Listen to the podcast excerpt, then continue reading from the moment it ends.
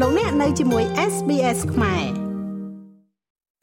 តើត្រូវស្នាក់នៅក្នុងប្រទេសអូស្ត្រាលីយូរប៉ុណ្ណាទើបអាចទទួលបានសិទ្ធិរស់នៅជាអចិន្ត្រៃយ៍ហើយបន្ទាប់ពីនោះមកតើត្រូវការពេលវេលាប៉ុន្មានឆ្នាំទៀតទើបអាចដាក់ពាក្យប្រឡងសុំយកសញ្ជាតិអូស្ត្រាលីបានសូមស្ដាប់បទសម្ភាសន៍រវាង SBS ខ្មែរជាមួយនឹងលោកស្រី Lily Chua ដែលជាភ្នាក់ងារអន្តោប្រវេសន៍នៅ LC Immigration ដូចតទៅ ចាសូមជម្រាបសួរលោកស្រី Lily Chua ចាចាសូមជម្រាបសួររ៉ានីចាអរគុណច្រើនលោកស្រីដែលបានផ្ដល់កិត្តិយសចូលរួមជាមួយនឹង SPS ខ្មែរនៅក្នុងថ្ងៃនេះឃើញថាបែកគ្នាមួយរយៈធំមកហើយលោកស្រីសុខទុក្ខយ៉ាងណាដែរចាមិនអីសុខសប្បាយទេអរគុណចាស់ចំពោះបងវិញចាសុខទុក្ខធម្មតាអរគុណច្រើនជាមួយនឹងប្រធានបទយើងថ្ងៃនេះគឺពាក់ព័ន្ធជាមួយនឹង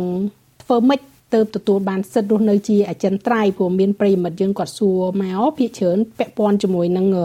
ទឹកតការប្តីប្រពន្ធអីអញ្ចឹងដូចថាអូឥឡូវគាត់ធានាប្រពន្ធឬក៏ធានាប្តីមកអញ្ចឹងគាត់មកនៅអូស្ត្រាលីប្រហែលឆ្នាំអីអញ្ចឹងទៅបានគាត់បាន PR ហើយពេលណាបានគាត់បានសញ្ជាតិអីអញ្ចឹងលោកស្រីតើអាចជួយបកស្រាយពាក់ព័ន្ធជាមួយចំណុចនឹងបានទេចង់ដឹងថា មុននឹងបាន PR ឬក៏សិទ្ធិរស់នៅជាអចិន្ត្រៃយ៍ក្នុងប្រទេសអូស្ត្រាលីនឹងតើគាត់ត្រូវបំពេញតាមលក្ខខណ្ឌអីខ្លះត្រូវរស់នៅក្នុងប្រទេសអូស្ត្រាលីនឹងយ៉ាងហោចណាស់រយៈពេលប្រមាណដែរលោកស្រីចា៎ចាអរគុណចំពោះសំណួរចារ៉ានីចំពោះរឿងឥឡូវយើងបែងចែកឲ្យច្បាស់ពីរឿងថាឆ្លុះមុននឹងប្រាប់បងប្អូនទាំងអស់គ្នាជំរាបបងប្អូនទាំងអស់គ្នាថាចំពោះតន្តការដែលយើងយកពិភាក្សានេះគឺតន្តការប្តីប្រពន្ធដែលមានលេខ309 ចាចំពោះតន្តការប្តីប្រពន្ធលេខ309ហ្នឹងគឺជាតន្តការប្រភេទបណ្ដោះអាសន្នអញ្ចឹងនៅពេលដែលរកអ្នកកាន់ទឹកតការលេខ309ទាំងអស់ចូលមករស់នៅប្រទេសអូស្ត្រាលីគឺរស់នៅបណ្ដោះអាសន្នហើយគាត់អាចមានសិទ្ធិដាក់ពាក្យថាដាក់ពាក្យសុំទិដ្ឋាអចិន្ត្រៃយ៍ដែលមានលេខ100គឺ2ឆ្នាំគិតពីថ្ងៃដែលគាត់ដាក់ពាក្យបណ្ដោះអាសន្នមក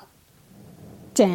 2ឆ្នាំគិតពីថ្ងៃដែលគាត់ដាក់ពាក្យសុំឥឡូវបើយើងនិយាយឲ្យស្រួលស្ដាប់ អឺតតកា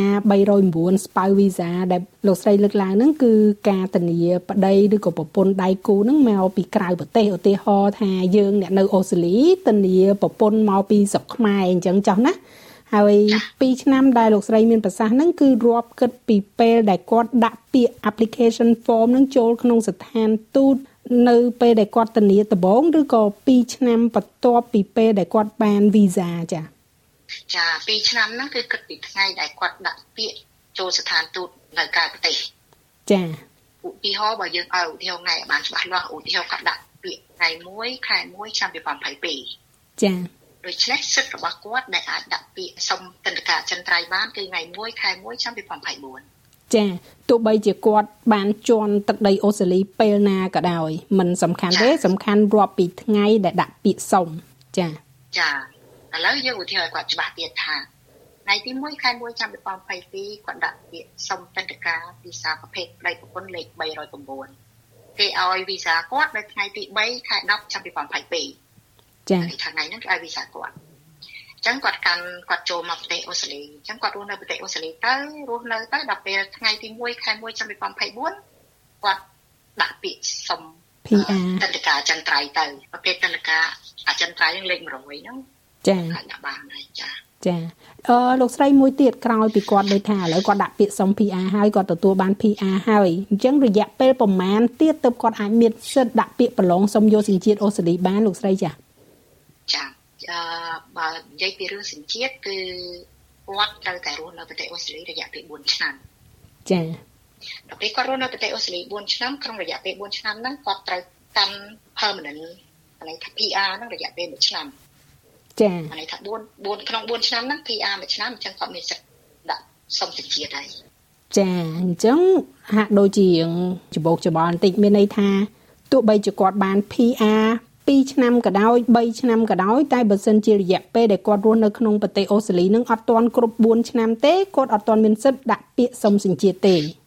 ចាត្រឹមត្រូវចាគាត់រស់នៅប្រទេសអូស្ត្រាលីរយៈពេល4ឆ្នាំ PR មួយឆ្នាំហើយគេបានបែងចែកច្បាស់ទៀតថា ក្នុងរយៈពេល4ឆ្នាំហ្នឹងគាត់មិនអាចទៅរស់នៅក្រៅប្រទេសឲ្យលើសពី12ខែចា12ខែហ្នឹង12ខែជាប់ជាប់គ្នាឬក៏ឧបមាថាក្នុង4ឆ្នាំហ្នឹងគាត់ទៅលេងស្រុកខ្មែរម្ដង3ខែ3ខែអាហ្នឹងរាប់បូកបញ្ចូលគ្នាឲ្យគ្រប់12ខែដែរឬមួយក៏ថាគាត់ចេញពីអូស្ត្រាលីនឹងរយៈពេល12ខែតែម្ដងជាប់គ្នាតែម្ដងលោកស្រីចា ចាគេកាល់កាលេតគេគិតទៅថាគាត់គិតគាត់ទៅរយៈពេលប្រហែលទៅទៅប៉ុន្តែឲ្យតិចជាង12 12តិចជាង12ខែក្នុងរយៈពេល4ឆ្នាំហ្នឹងចាហើយក៏នៅក្នុងហ្នឹងមានករណីពិសេសមួយទៀតក្នុងរយៈពេល12ខែក្រោយហ្នឹងនៅពេលដែលថ្ងៃគាត់ដាក់សញ្ជាតិហ្នឹងគឺគាត់មិនអាចចេញក្រៅប្រទេសរយៈពេលលើសពី90ថ្ងៃបានទេ ចាអញ្ចឹងលោកស្រីខ្ញុំសូមបញ្ជាក់ថាមានន័យថាដើម្បីបានសញ្ជាតិអូស្ត្រាលីហ្នឹងគឺយើងត្រូវរស់នៅក្នុងប្រទេសអូស្ត្រាលីឲ្យបានរយៈពេលយ៉ាងហោចណាស់4ឆ្នាំ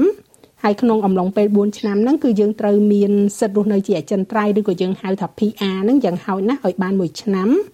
ហើយអ្វីដែលសំខាន់ហ្នឹងគឺនៅក្នុងរយៈពេល1ឆ្នាំចុងក្រោយមុនពេលដែលយើងដាក់ពាក្យ សុំប្រឡងយកសញ្ជាតិហ្នឹងគឺយើងមិនអាចអវត្តមានពីទឹកដីប្រទេសអូស្ត្រាលីរយៈពេល3ខែបានទេអញ្ចឹងត្រឹមត្រូវទេលោកស្រីចា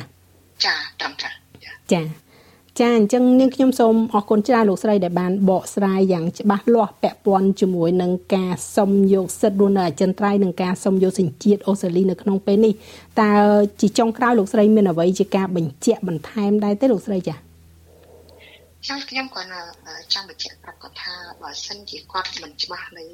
ពេលវេលាឬក៏មិនច្បាស់នៅថ្ងៃគាត់គាត់អាចតាក់ទងទៅខាងអូនឬក៏តាក់ទងប្រឹក្សាទៅខាងក្រុមហ៊ុនណាដែលគេមានចំណេញខាងហ្នឹងឬក៏សួរសមាគមខ្មែរឬក៏តទៅមកខាងខ្ញុំក៏បានដើម្បីឲ្យគាត់ដើម្បីផ្ដល់ព័ត៌មានឲ្យច្បាស់ដល់ជូនគាត់ ចាចាអញ្ចឹងដើម្បីព័ត៌មានច្បាស់ការបើគាត់សពិចសពិលព្រោះថាបទសម្ភាសនៅក្នុងថ្ងៃនេះគឺជាបទសម្ភាសនៅក្នុងលក្ខខណ្ឌទូទៅ ហើយចំពោះលក្ខខណ្ឌជាក់លាក់ណាមួយពួកគាត់អាចតាក់ទងទៅខាងភ្នាក់ងារអន្តោប្រវេសន៍របស់ពួកគាត់ដែលមានចុះបញ្ជីការត្រឹមត្រូវឬក៏លោកស្រីផ្ទាល់ដើម្បីបញ្ជាក់ច្បាស់អំពីលក្ខខណ្ឌរបស់ពួកគាត់រៀងរៀងខ្លួនចាលោកស្រីចាអញ្ចឹងនាងខ្ញុំក៏សូមអរគុណហើយក៏សូមជម្រាបលាលោកស្រីចា ចាអរគុណរ៉ានីចំពោះពេលវេលាក្នុងការធ្វើបទសម្ភាសន៍និងអរគុណចំពោះបងប្អូនអ្នកស្ដាប់ទាំងអស់គ្នាដែរចាអរគុណជំរាបលាចុច like share comment និង follow SPS ខ្មែរនៅលើ Facebook